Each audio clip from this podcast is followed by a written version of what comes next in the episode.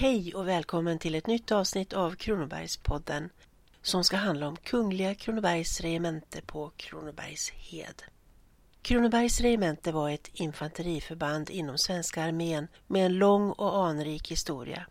I nästan 375 år, mellan 1623 och 1997, existerade detta förband och ledningen var förlagd till Växjö garnison i Växjö. Från allra första början under äldre medeltid mellan 1050 efter vikingatidens slut och fram till 1250 bestod den svenska krigsmakten av tillfälliga allmogeuppbåd av fotfolk. Mot slutet av medeltiden och under Vasakungarnas tid på 1500 och 1600-talet bestod krigsmakten till stor del av utländska legotrupper. En avdelning fotfolk om maximalt 500 man följde en fana och kallades därför fänika. Varje landskap hade ett antal fänikor, fotfolksförband, som växlade i antal beroende på behovet. I Småland börjar man varva rekryter till landskapets fänika 1543, samma år som Nils Dacke dödades och Dackefejden tog slut. Under 1600-talet sjönk antalet man som ingick i fänikan och den ändrade då namn till kompani. De allra flesta svenska regementen har sitt ursprung i lokala fänikor och Kronobergs regemente var inget undantag. 1616 omorganiserades de av Gustav II Adolf till Smålands storregemente där också kompanier från Kalmar län ingick. 12 av 24 kompanier rekryterades i Kronobergs län och Kronobergs regemente var ett av de tre fältregementen som utgjorde hela storregementet. 1623 befarades en polsk landstigning i Kalmartrakten. Kung Gustav II Adolf befallde befälhavaren över Smålands regemente, fältmarskalk Herman Wrangel, att genom natt och dag skynda till Kalmar samt att dit uppbåda översten Ruthwen med hela Smålands regementet så gamle som nyskrevne knektar samt det så kallade östgötafolket från Jönköpings län. Smålandsfolket fördelades härvid på två regementen. Det ena, Kungliga Kronobergs regemente från Kronobergs län, tog Wrangel själv befälet över men chefsmyndigheten utövades närmast av överstelöjtnant Thomas Merchamp för vilken den 16 april kunglig fullmakt utfärdats att föra befälet över ett regemente Smålandsknektar. Det andra regementet, Kungliga Kalmar regemente, ställdes under överste Patrick Ruthven. Den 16 april 1623 bör således betraktas som dagen för Kungliga Kronobergs regementes tillblivande.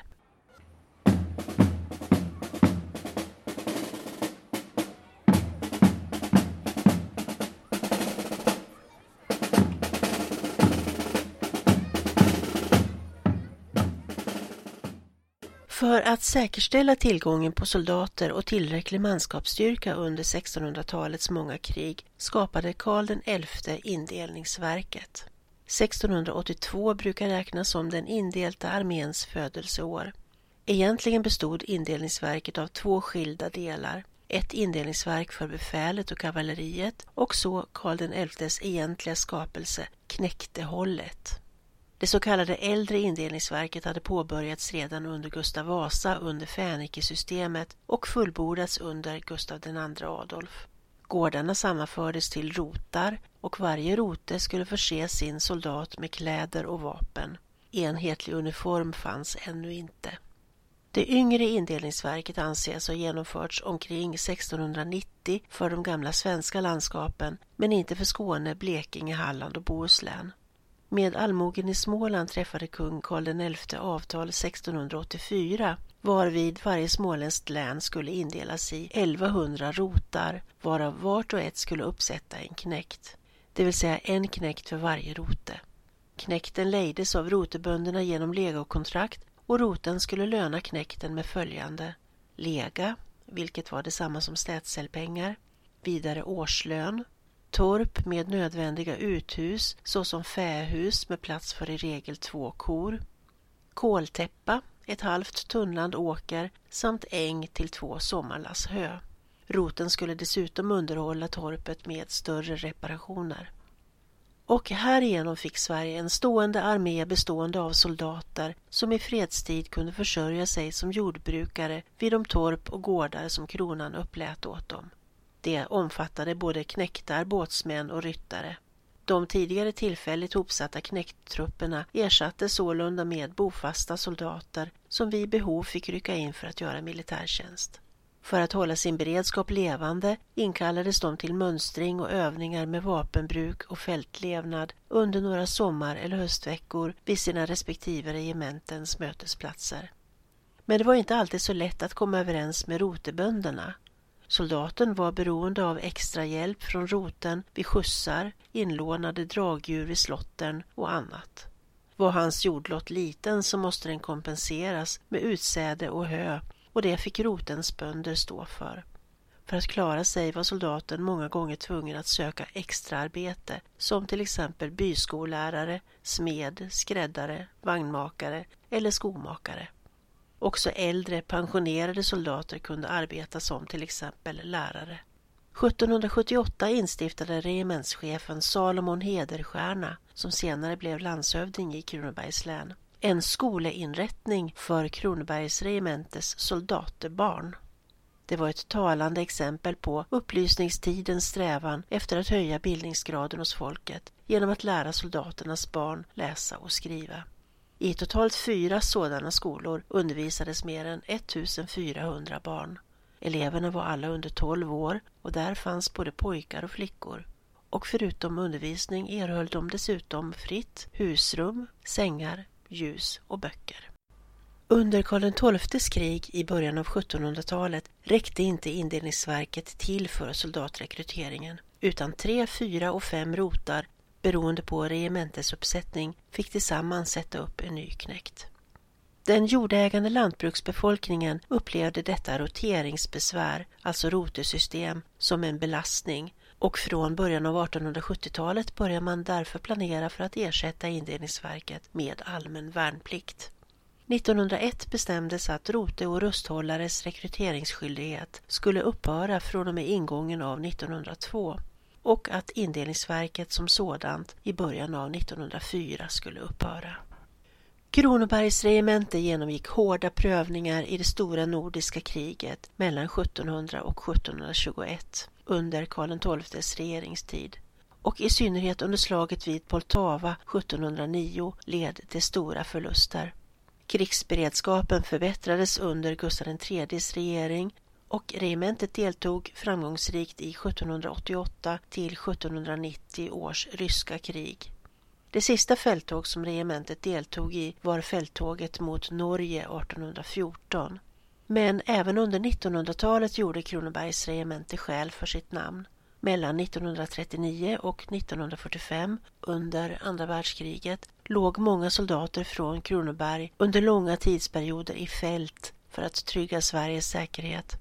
Och i samband med det tyska överfallet på Danmark i april 1940 sattes hela I-11 upp för att gruppera sig i närheten av Malmö.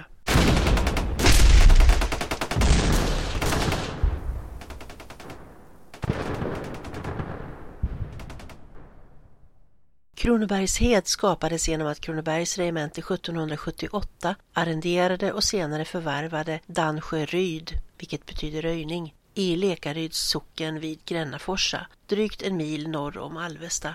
Det gjorde man för att få en större mönstrings och övningsplats. Själva slätten var 600 till 700 meter lång och 150 till 200 meter bred. Vid Dansjöns norra ände anordnades en bra badplats för regementet och 1830 uppfördes ett badhus i åns delta av innehavaren av Grännaforsa brunn. Detta badhus hade sin storhetstid från 1880-talet till 1920. I södra delen av heden står ett högt stenkummel, Tumlinge rör, som är förknippat med Bländasängnen. Där stupade enligt samma sägen den danska hövdingen Tumling då Blenda och hennes värenskvinnor försvarade hembygden mot ett av danskarnas anfall i en gången tid. Samma händelse ska namnet Dansjön också härleda till, nämligen minnet av danskarna. Folktron vill göra gällande att man ibland, när vattenståndet i sjön står lågt, så kan man se danska skallar sticka upp ur vattenytan. No! No!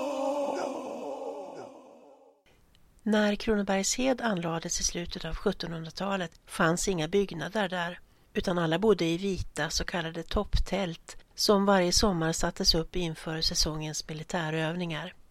På 1840-talet ersattes de av de för heden karaktäristiska halmhyddorna som i sin tur under de sista decennierna fick ge vika för en barackanläggning med trähyddor. Halmhyddorna tillkom på initiativ av regementschefen Karl-Henrik Vrede eftersom det kostade hälften så mycket som tält.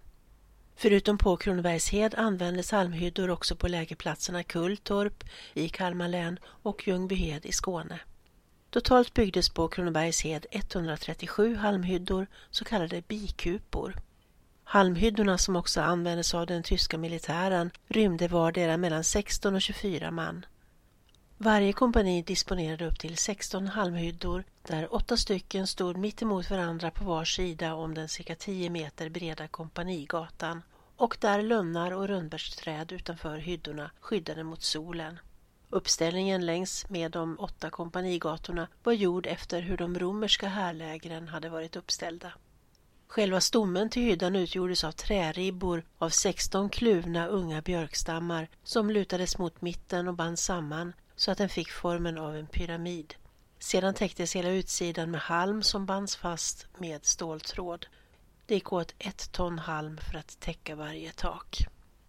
Inuti hyddan bestod golvet av hårt stampad jord som täcktes med halm och runt om tätades med färskt granris. Längst upp i taket fanns en toppventil som kunde öppnas och stängas för att få in luft. Runt hyddorna fanns trästaket för att avhålla traktens djur från att äta av halmbeklädnaden.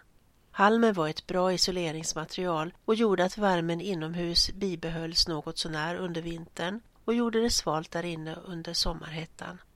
I manskapets hyddor kom dagsljus in enbart från ett litet fönster ovanför dörren medan befälets hyddor dessutom hade två extra fönster och därtill trägolv. Först 1881 lades trägolv in också i manskapshyddorna och ett extra fönster togs upp. Soldaterna låg från början och sov på granris med fötterna in mot mitten av hyddan och med ränsen som kudde och vapenrocken som täcke. Först in på 1900-talet fick soldaterna filtar, madrassvar och putvar, det vill säga örngott. Och vid sekelskiftet 1900 uppfördes två manskapsbaracker som kom att ersätta halmhyddorna. En av dessa baracker flyttades senare till I11-området i Växjö där den hade namnet Gula baracken. För den omgivande lokalbefolkningen var Kronobergshed betydelsefull både som inkomstkälla och för förströelse. Många sålde livsmedel till soldaterna i form av ägg, bullar, kaffe, smör, grönsaker, frukt och bär. Det erbjöds transportmöjligheter och andra tjänster som beväringarna kunde ha nytta av. Om söndagsmorgnarna kom en högtidsklädd allmoge till heden för att nere vid Dannsjöns strand ta del av kyrkparaderna som utomhusgudstjänsten kallades och där militärorkestern ackompanjerade. Och då och då anordnades festligheter som lockade människor i tusental och kom folk att färdas till fots i flera mil för att komma dit. Till exempel var midsommarfirandet på Kronobergshed en stor magnet. Där fanns marknadsstånd med försäljning av frukt, konfekt, kaffebröd, vykort och annat. Efter utomhusgudstjänsten tog kaffeförsäljning vid och olika sorters spel och lekar och idrottstävlingar ägde rum till stor allmän munterhet. Man rullade tunna, gick på styltor och hoppade säck, hade kapplöpning i skottkärror bland mycket annat. Musikkåren spelade och det dansades runt midsommarstången så att gräset nöttes bort. Och under regementssöndagen som inföll en söndag i september var det tradition att familjer som hade en son som fullgjorde sin värnplikt på heden kom för att besöka sin telning och tog då med sig förning så att det räckte för att bjuda både släktingar, vänner, grannar och andra som slöt upp. En kvinna minns att hennes familj hade med sig en hel kista med mat och dryck med ett tjugotal rågmjölslimpor, smör, ost, torkat kött, hembryggt öl och brännvin. Det var en riktig folkfest.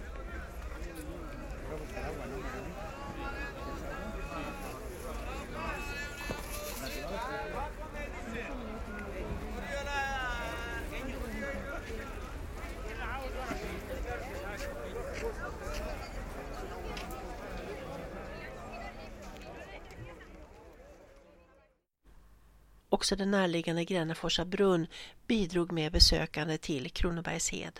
Bland de som drack brunn fanns många välbemedlade som inte hade något emot att deras döttrar fick en make med militär rang. Och omvänt gick många officerare om kvällarna till officerskällan vid Grännaforsa för att dricka brunn och lyssna på musikkåren. Många äktenskap har tagit sin början på Kronobergshed. Men också kungligheter sökte sig hit. Det första besöket av kunglig rang som gjordes på Kronobergshed var av kronprins Karl, senare kung Karl XV, som anlände dit en solig dag den 30 juni 1846. Gustav III passerade visserligen förbi på väg från Moheda till Alvesta 1773, men det var fem år innan Kronobergshed blev militär övningsplats. Redan året därpå, 1847, anlände kronprins Karls far, kung Oscar I till Kronobergshed. På grund av häftigt regnande måste dock de tilltänkta exercismanövrerna ställas in och kungen fick nöja sig med en splendid déjeuner, det vill säga frukost, hos officerarna. Den nöjda monarken överlämnade emellertid gratifikationer, gåvor till både underbefäl och manskap.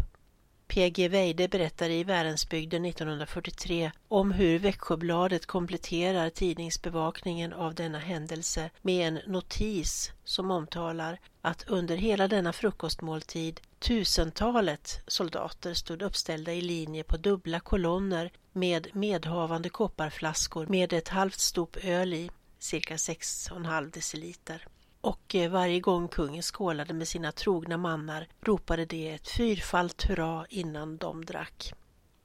Fem år senare, 1852, återkom Oscar den förste till Kronobergshed på väg söderifrån mot Stockholm och efter att ha gästat landshövding Mörner i Växjö. Han möttes med äreportar och vimplar och fick se trupperna exercera innan han reste vidare. Alltsammans tog inte mer än ungefär en och en halv timme. Men 1893 var det dags för nästa kungabesök och då blev det desto mer grundligt och festligt.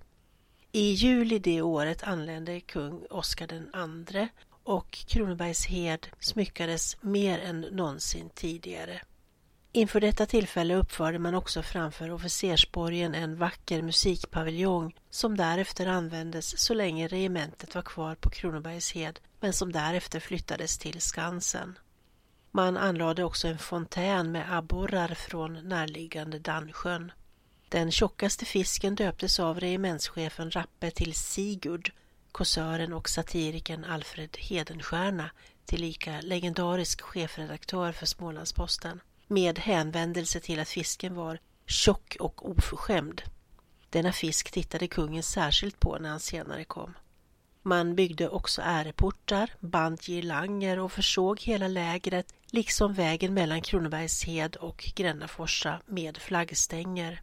Och som grädden på moset reste man en cirka tre meter hög bautasten i mässparken för att den skulle prydas med kungens egenhändiga namnteckning och datum för kungabesöket. När kungen sprängde fram på Grännaforsavägen klockan halv tio på morgonen den väntade dagen mottogs han av höga fanfarer från musikkåren med musikdirektör Wilhelm Åström som anförare. Kungen steg av hästen och hälsade de uppställda trupperna med ett kraftigt God dag, mitt Kronobergsregemente.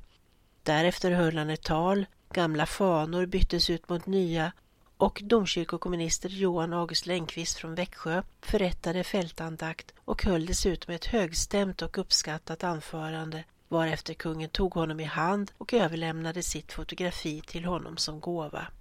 Därpå väntade sen frukost på officersborgen och kungen skrev sitt namn med krita på bautastenen. Efter det begav man sig ut på slätten där regementet stod uppställt till exercis för en cirka två timmar lång uppvisning. Klockan halv två intog kungen lunch tillsammans med officerskåren och därefter prisade han i ett ståtligt tal regementet som sitt bästa landsortsregemente och lovade dessutom att till officerskåren överlämna sitt porträtt i olja. En timme senare var det dags för avfärd och en stor dag gick mot sitt slut till stor belåtenhet för alla.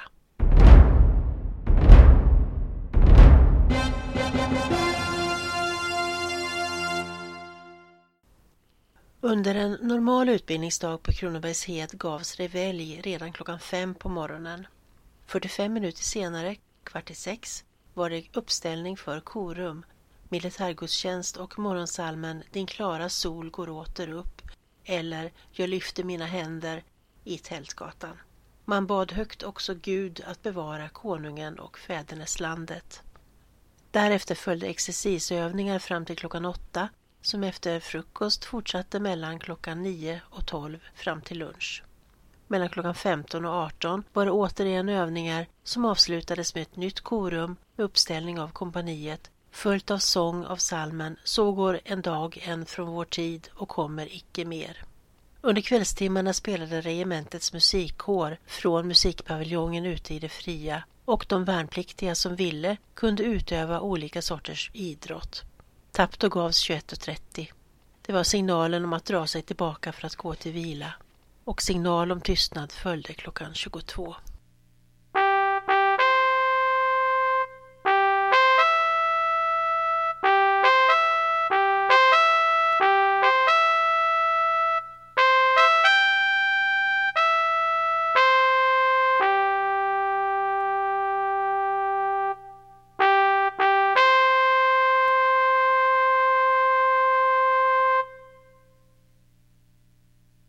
Den dagliga exercisen kunde uppgå till sex timmar medan övriga två tjänstgöringstimmar kunde användas till varjehanda. Under förmiddagens övningar ingick förberedande målskjutningsövningar. De som väntade på sin tur kunde dåsa i gräset eller smyga sig undan till de kaffekärringar som höll sig på avstånd och för en billig peng sålde svagt kaffe, svagdricka, brännvin och färska vetebullar. Officerarna serverades brännvinsbord vid lunch och middag men även soldaterna tilldelades en sup brännvin som daglig ranson genom fanjunkarens försorg och i närvaro av kompanichefen. I mitten av 1800-talet var denna dagliga dos 5,2 centiliter. På 1880-talet ersattes dock brännvinet med kaffe istället. Lunchen på Kronobergshed tillagades av soldaterna själva i kokgropar och matplatsen var förlagd utomhus mellan höga tallar. Vid 1800-talets slut uppfördes ett skyddstak mot nederbörd över dessa matsalar och vid sekelskiftet 1900 byggdes två stora riktiga matsalsbyggnader. Men under cirka hundra år försiggick utspisningen på Kronobergshed helt och hållet ute i det fria. Huvudmålet bestod av antingen ärtor med fläsk eller sluring och så kallat bataljonsvälling. Då stekte man bitar av saltat fläsk och blandade sedan ner mjöl och bitar av potatis eller andra rotfrukter. Därefter blandade man i korngryn och vatten eller i undantagsfall mjölk tills man fick en konsistens som soppa eller stabbig gryta.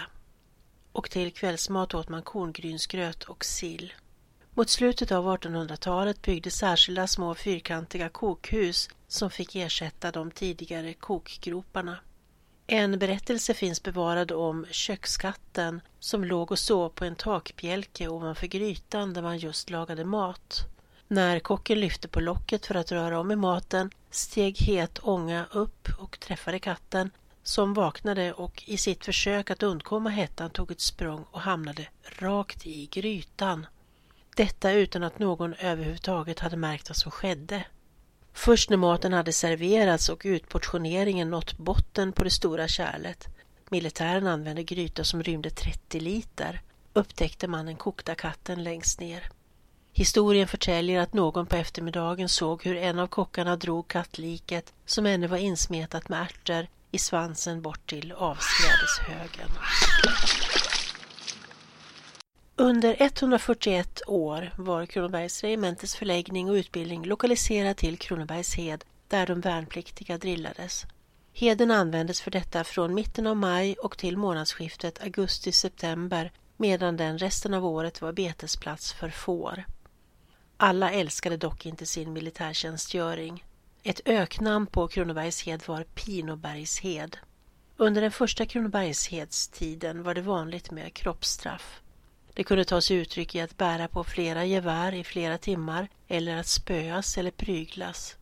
Det kunde räcka med en mindre förseelse som slarv eller misstag för att man skulle pryglas. Dödsstraff förekom också och även så kallat kvalificerat dödsstraff, vilket innebar också grov misshandel innan avrättningen. Det var inte ovanligt att soldaterna sökte tröst i brännvinet inför dessa ständiga hot om bestraffning. Och ovanligt var det inte heller att soldaterna råkade i slagsmål under söndagarnas danstillställningar då de kom ihop sig om någon flicka. Det finns vittnesbörd om att flera sådana slagsmål har slutat med att inblandade har blivit ihjälslagna. Byggnaderna på Heden var inte vinterbonade och när det blev dags att bygga nya kaserner hade man att välja på att göra det på Heden eller inne i Växjö. Valet föll på det senare. Redan 1914 flyttade man in i tillfälliga förläggningar i Växjö. Den nybyggda Västra folkskolan fick inhysa första bataljonen, ett tidigare godtemplarhus vid Västra esplanaden, de nionde och tionde kompanierna och kulsprutekompaniet och tolfte kompaniet inkvarterades hos en fru Haglund vid Teatertorget. Det elfte kompaniet fick flytta in i gamla gästskivargården, senare polisstationen, mittemot Stadshotellet. Men ännu fem år framåt, fram till 1919, skedde förläggning till Kronobergshed mellan månaderna maj och oktober. Den 30 augusti 1919 tog regementet emellertid avsked av sin gamla mötesplats på Kronobergshed genom en stor fest med många inbjudna, däribland både krigsministern, landshövdingen och biskopen. En minnessten restes på den gamla övningsplatsen. Under åren som därefter följde försvann många av byggnaderna på Kronobergshed. Musikpaviljongen flyttades som redan nämnts till Skansen i Stockholm. Officersborgen blev omvandlad till snickerifabrik i Hjortsberga och underofficersborgen kom att användas som ålderdomshem för de närbelägna socknarna ända in på 1950-talet varefter den revs. Regementets tid på Kronobergshed fick ett dramatiskt slut i och med att spanska sjukan 1918 till 1919 skördade offer där. Inte mindre än fem befäl och 20 soldater avled på det sjukhus som 1865 uppförts på området. Idag håller friskolan Kronobergshed till i denna byggnad. Den 1 november 1919 återvände regementet till Växjö och det där nyuppförda kasernetablissemanget. Och den 11 november 1920 hölls en ceremoni över inflyttningen. Samma år 1920 började Heden användas som flygfält och ännu så sent som 1939 användes Kronobergs hed som interneringsläger för tyskar, både flygare, marinsoldater och infanterister samt yrkesmilitärer och inkallade som på skilda sätt hade omhändertagits. Av halmhyddorna på Kronobergshed revs nästan alla.